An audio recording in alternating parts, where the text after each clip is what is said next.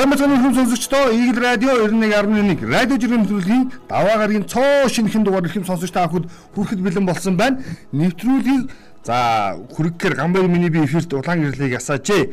За өнгөрсөн амралтын өдрүүдэд өрнсөн үйл явдлуудтай холбоотой сонин содон сонирхолтой жиргэнүүдийг жиргээчд маань өөрсдийнхөө дуу хөнгөөр илэрхийлсэн. А гэхдээ илэрхийлж байгаа өнцгүүд дотор нэг л зүйл харагдсан.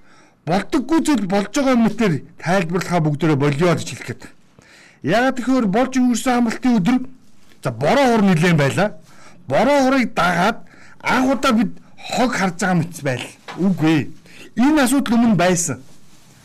Тэгэд асуудал нь бол юу гэхээр за жишээлбэл Улаанбаатар хотод ихээхэн бороо хур орхоор дагаад түүн дээр нь үүсдэг хогийн одоо юу цэгүүд угасаал байсан. Тэгээ энэ яг хотын даргын буруу биш ээ. Ер нь бол Хамгийн энгийн байдлаар инхээд орж ин ирж байгаа. Араачтай энэ дарга нар юугаа хийдэг юм бэ? Гэхдээ дарга ямар хамаатай юм бэ гэж асуух гэдэг.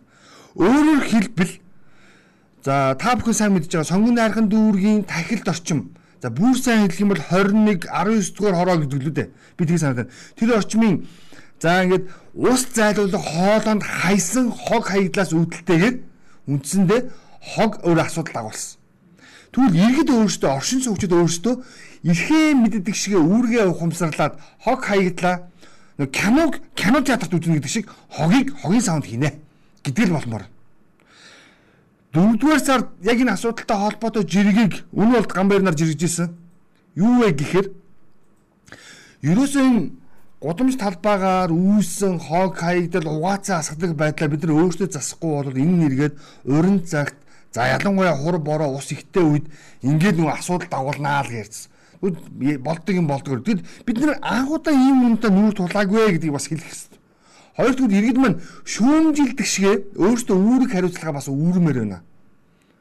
Яг Улаанбаатар хотын бүтэц зохион байгуулалтын үед алдаатай шийдвэрүүд үе үед гаргасан. Тэр нь юу вэ гэхээр орон нутгийн сонгуул гих тодголтоогоор за айл өрхүүдэд үерийн далан тий усны одоо урсцгаар шар усны үер буудаг ийм хүү амууд дээр газар олгосонтой холбоотой гомдод гардаг. Энэ бол орон нутгийн сонгуулийн буюу улс төрчний га. Хүн таалагдахын тулд бууцсан газар нь өө наадхан төрч гэрчлэг гаргаж өгнө гэж хэлдэг буруу. Одоо зүгээр төр төмөр нүртэй байх ёстой. Гэхдээ төмөр нүр нь хүний эрхийг зүү өсөөр дээдлсэн ийм төмөр нүрийг гаргах нь одоо иргэд учрах хор уршаас бидний сэргийлэх боломжтой маа л гэж хэлэх гээд байгаа. За дараагийн нэг жиргээ. Аа энэ биш. Энэ болор эрдэнэ отгоноо жиргэсэн.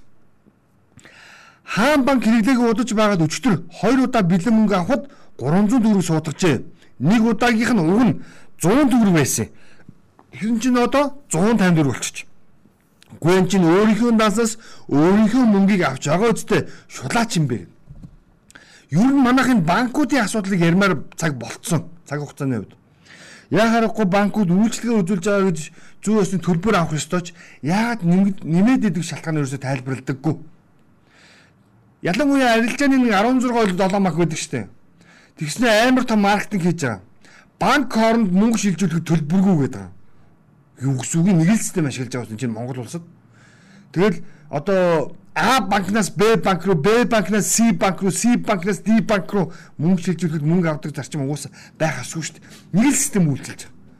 Нэг л төлбөртэй баймаар хэвээр байх ёстой бол үнэхээр тэр мөнгө шилжүүлэхэд нь оператор тий инженер техникийн ажилтнууд суудаг бол түүний ажлын зардлыг гаргахын тулд байх нэг л төлбөртэй байх ёстой. А гэхдээ тэр төлбөр нь өсдөг баймааргүй байна. Яагаад тэгэхээр энэ дид бүтцийн буюу электроник чинь өөрөө өсдөг, шууд өсдөг юм зардал биш. Нэгэн тогтсон системийг өөрчлөхгүй. Харин шин дэвшилтэд буюу магадгүй шин технологи оруулж ирэх юм бол түүнд оруулсан хөрөнгө оруулалтын хэмжээр зардал өсөх боломжтой. Тэгээ энийг нэг манай энэ учир мэдэх хүмүүс нь тайлбарлаж өгмөр. Энийг зүгээр би энгийн байдлаар тайлбарлаа. Ах Mobicom гэдэг нэг Монголын өрн телефоны анхны оператор гээл Японы хөрөнгө оруулалтын компани байгууллагад иргэдийг гомөг шулсан шүү дээ. Клипний үйлчилгээ нэгж худалдаа авдаг үйлчилгээ дугаар юу юу лээ дуу сонсох ай сонгох ч илүү те зүгээд зүгээр л тухайн байгууллага өөрийн телефоны оператор гадны улс орнуудад хэрэглэгчээ татахын тулд үзүүлдэг үйлчлэгийг бүгдийн төлбөртэй болгож ирсэн бүгдэрийн мэднэ. Тэгээ арга буюу манад 2 дахь 3 дахь өрн телефоны компаниуд за зах зээл гараад ирсний дараа тэр төлбөрүүдэд цуцалж эхэлж байгаа. Тийм байх ёсгүй шүү дээ. Гоо сайхны бүтээгдэхүүн худалдан борлуулах гэж байгаа хүн тухайн үйлчлүүлэгчтэй ямар бүтээгдэхүүн ямар нөлөө үзүүлдэг сурталчлахгүйгээр битүү хатуу баглаа богдолтой юм зардггүйтэй яг адилхан байхгүй. Бас нэг харьцуулж бодмоор юм ин арилжааны банкудад байна байна. Үнэхээр үзүүлэх ёстой үйлчлэгээ үзүүлж байгаахийн төлөө шимтгэл авдаг байдал одоо нэг хязгаарламаар байна. Шимтгэл авч болно. Тэгтээ өндөр биш. Шимтгэл авч болно. Тэгтээ нэмэгддэггүй байх шимтгэлийг одоо авдаг баймаар байна гэж хэлэх гээд байна. За баг хангаа жиргсэн баг хангаа юу гэсэн бэ гэж энэ маш чухал жиргээ. Ажил олдохгүй байна. Ажилчин олдохгүй байна. Монголчууд залхуугээд бөө хэрүүл. Гэхдээ залуучууд гадаадад ажил хийхээр мянган мянгаараа очрлох. Шалтгаан нь ердөө шунал. Ажил олгогч 10 цаашны ашиг олоод өөртөө 8-ыг нь аваад 2-ыг нь татвар энэ төрд өгөөд нэгийг нь ажилтнаа өгдөгтэй холбоотой. За яг энэ бид нүг их оронч байяа гэж яриад байгаа тийм өнгөрсөн 7 өдрийн гол ярьсан. Бараа бүтээгдэхүүний үн нэмэгдээл гэнэ. Зүгээр ашиг хараад байгаа байхгүй. Энэ нэг Монгол хүний цуснд байдаг юм шиг байгаа. Давсан ашиг авахын төлөө өхөө хатан гүдэг. А давсан ашига хийж чадахгүй бол өө алдагдaltaй нүжилдэг. Хамгийн хошин байдлаар хэлээ. Хамгийн хошин байдлаар. За манай соёл урлагийнхан би бүр онцлоод хэлээ салбараар нь. Соёл урлагийнхан буюу За ингээд ерөөхдөө энэ салбар зүтгэж байгаа хүмүүс ард иргэдийг хөгжөөн баясгах, зугаацуулан цэнгүүлэх үүрэг маш сайн үүсгэж байгаа. А гэхдээ дээрх нөхдүүд ашгаа хит давхар давхар нугуулсан байдлаар хийж чадахгүй бол аа энэ тоглолт их муу боллоо алдагдaltaа боллоо гэдэг. Бүр өөртөөх нь яриад байдаг шин. Дөрөв хүнтэй одоо дөрвөн гишүүнтэй хамтлагийн тоглолт зохион байгуулагдаад дуусна. За яасан таад маань тоглолт гайгүй плет хэр борлогдог олон нийт тухайн хамтлагийг хэр их хүн үдсэн бэ гэдгээр нь асуудалд ханддаг буюу өөрөөр хэлбэл тухайн байгууллагын орлого олсон байдлаар гэсэн үг шүү дээ. А гэтэл өөстөө суудлын талан дөрөв зэрэглийн тэдэн болоогүй гэл үгүй ясам дээр 2-оос 3 нугалцсан л байдгийн байлээ шүү дээ. Гэхдээ татвар тэгж төлдөггүй. Зөвхөн нөгөө нэг яг хэлж байгаа шиг үжигчийн ирсэн байдлаар энэ нөхдүүд чи эхлээд манай соёл урлагийнхан тоглолт хийхэд за дунджаар нэг хоёлоо за мянган төгрөөр тоглолт хийлээ гэж бодъё. зөв төсөв Тэгвэл түүнийхээ 2000 төгрөгийн зардал болгоод эхлээд эвент дээр авчдаг. За ингээд үндсэндээ тоглолт зохион байгуулад олон нийтийг зугаацуулан цэнгүүлэх, танин мэдүүлэх гэдэг шиг энэ одоо ажлаа зохион байгуулсны дараа буюу өөрөөр хэлбэл тасалбарын орлогыг зөвхөн үйлчлэгийн зардал өгд юм л чинь. Гэхдээ бодиттой л үнэн шүү дээ. Тэгэхээр бид нэг юм хит шуналтай байдлаасаа жоохон татгалзуул яасан бэ? Тгийж чадах юм бол магадгүй өмнө өсөхгүй байх боломжтой. Одоо манай шатхуун импортлагч компаниуд бол энийг бол бодмоор л байгаа. Яагаад тэгэхээр шатхууны үн бол тогтмол өсөж байгаа. Та бүхэн мэдж байгаа. Хэдийгээр Монгол Улсын засгийн газрын зүгээс Орос улбаны улс буюу тодруулж хэлбэл импортлагч орнуудтайгаа нэлээд чухалчлан уулзалтуудыг хийж А гэхдээ импортлагч нар импортлагч компаниуд нь болохоор яаж байгаа вэ гэхээр ашиг нь багасах гээд байгаа учраас үнэ нэмээд байгаа. гэдгийг юу харах. Яагаад тэгэхээр за 1 литр шатхууныг 10 төгрөгөөр зардаг байсан. А гэтэл за цаанаас экспортлогч компани, импортлогч компанид үнэ нэмэгдүүлээд өгөхөөр за нэмэгдүүлсэн үн дээр нь ашиг нь өөрөө дахиад юу гэдэг тодорхой хуваар буурах гэдэг учраас өөрийнхөө ашигыг нэмэгдүүлсэн үн дээр нэмээд ингээд үн өсгöd идэг хаа гэдгийг ойлгох хэрэгтэй байна. Эх орончоо гэдэг нь ерөөсөө юм.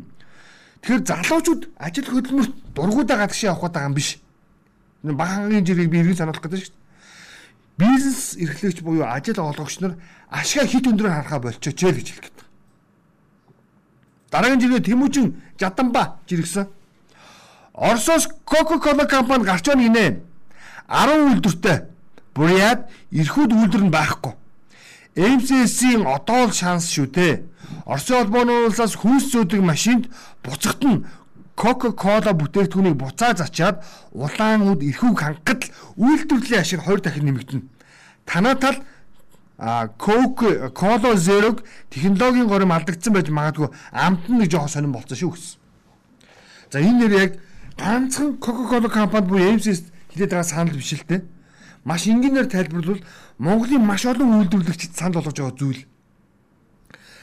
За Орос улбаны улс Европын улбаны улс орнуудтай буюу Украинтай өдөөсөн асуудлаас үүдэлтэйгээр бизнесийн буюу санхүүгийн за зарим нэг өөрчлөлтөд орж ирж байгаа. Урс мөнгө урсгал хийгээд бараа бүтээгдэхүүний түүхийдийн нийлүүлэлтэн дээр өөрчлөлтөд орж ирж байгаа. А тэгвэл Монгол бас энэ хоёр том гүрнийхээ нөгөө нэг одоо давуу байдлыг ашиглах хэрэгтэй. Өөрөөр хэлбэл Орос улбаны бас 145 сая хүн амтаа гээд тэг толдох хаа тий 145 сая би санах юм. Тэгвэл үүнийх нь ядаж тийм үү 2 саяд нь хүрэл цүүц хэмжээний түүхийд бусад бараа бүтээгдэхүүн нийлүүлдэг болчихё гэж хэлэх гээд. Шаардлагатай нөгөө тэдний үйлдвэрлэж чадахгүй буюу тэдний Европоос авдаг байсан түүхийдийг нь Монголоос гарах боломжтой түүхийдээ бид гаргадаг болёо гэж чадах юм бол Монгол улсын эдийн засаг үгүй заавал тэр дэлхийн нийтийн нэг хямралыг дагаад хямраад авах биш. Бидэнд боломж байна. Монголд нэг давуу тал байгаа шүү дээ. Маш том хоёр гүрнийг олд байгаа. Энэ хоёр том гүрэн нь өөрөө эдийн засгийн асар том урсгалтай буюу хүн аманд төрт. Хятад улсын эдийн засаг дэлхийд яагаад ноёлдог юм? Хүн ам нь дэлхийд хоёр дугаараар ирэмблэгдэх тоогоор тоологддог учраас л ноёлтой. Нэгдүгээр хятадын хүмүүс өөр хоорондоо харилцаа сайтай байна буюу хятад хүн хятад хүндээ хайртай. Тийм учраас өөр өөрсдийнхөө бизнесийг дэмждэг.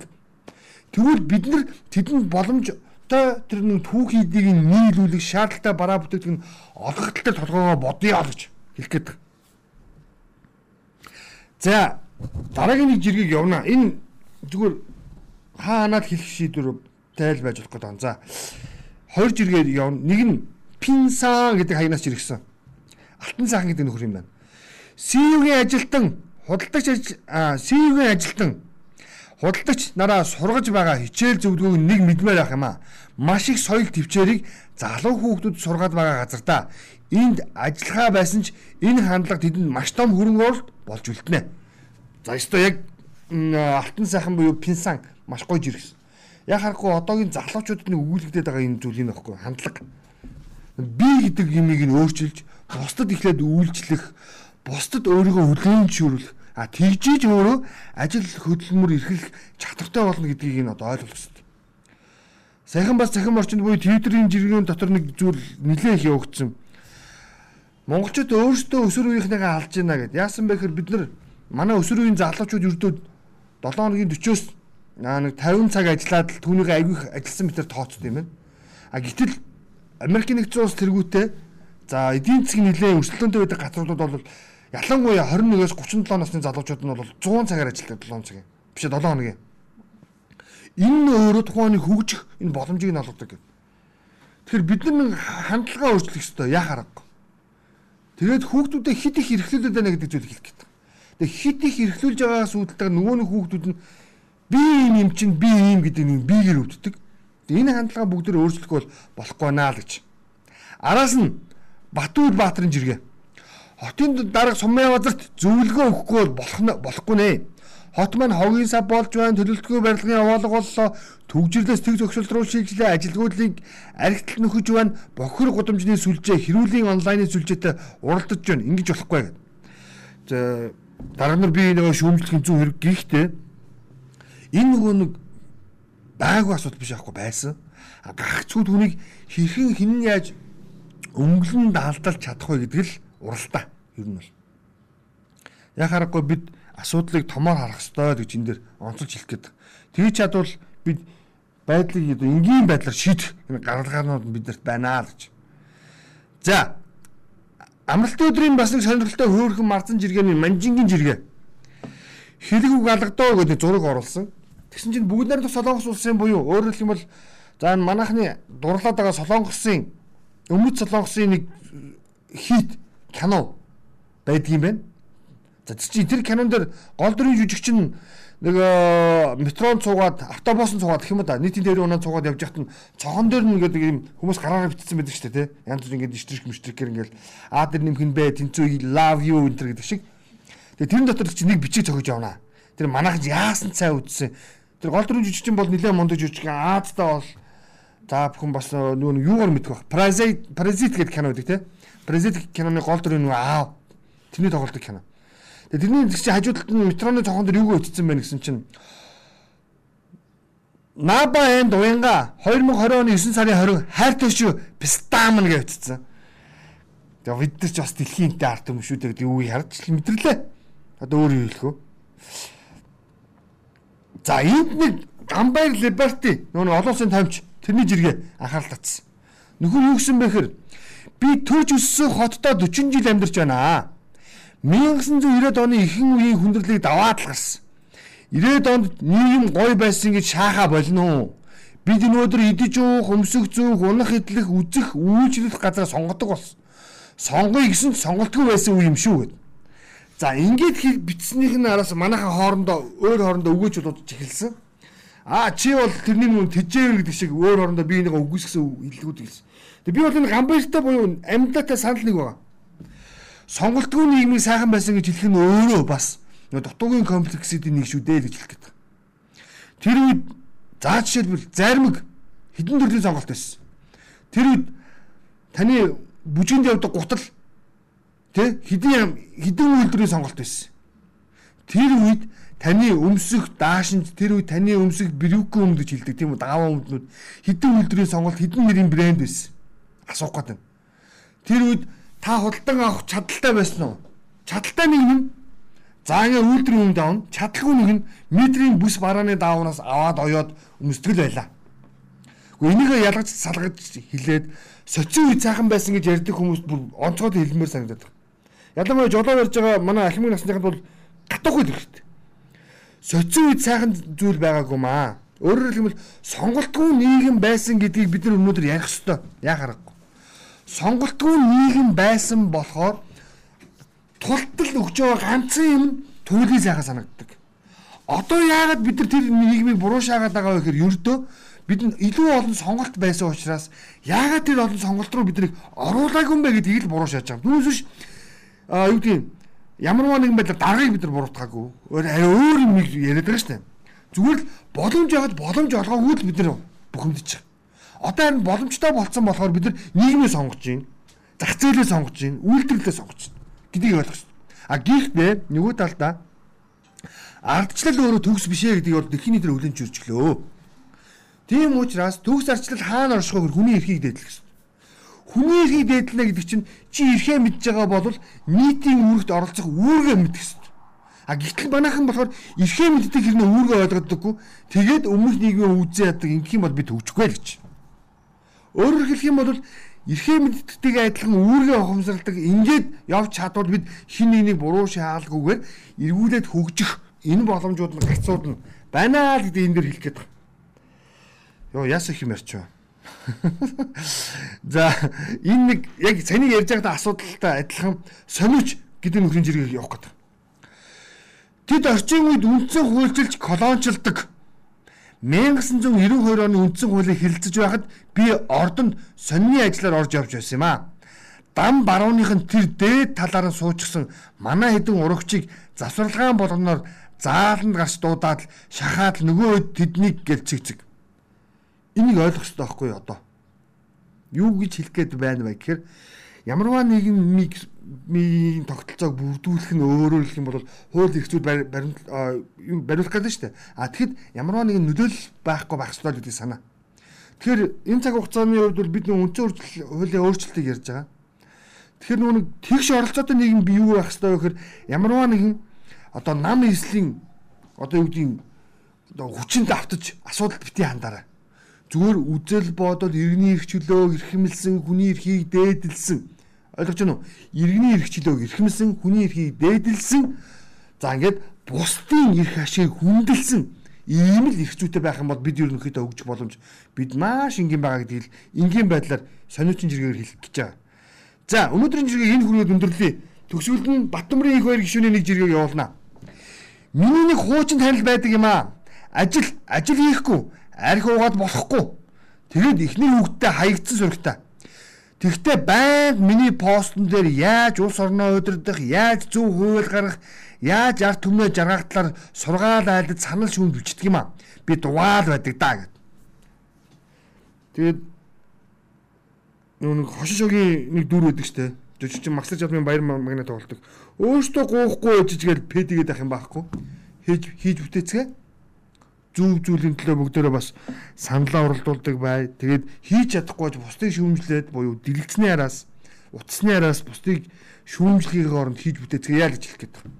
За тэгээд энэ 7 хоног илүү олон мэдээлэлтэй эргээд уулзсан. Манай төлөв 7 хоногийн даваагаас баасан гарагт 17 цаг 30 минутаас Eagle Radio 91.1 болоод Eagle Цэг юм гэсэн вебсайтаар манай нэвтрүүлэг хүрдэг. Тэгээд дараагийн нэвтрүүлгээр илүү олон мэдээлэлтэй эргэн уулзах баяр таа.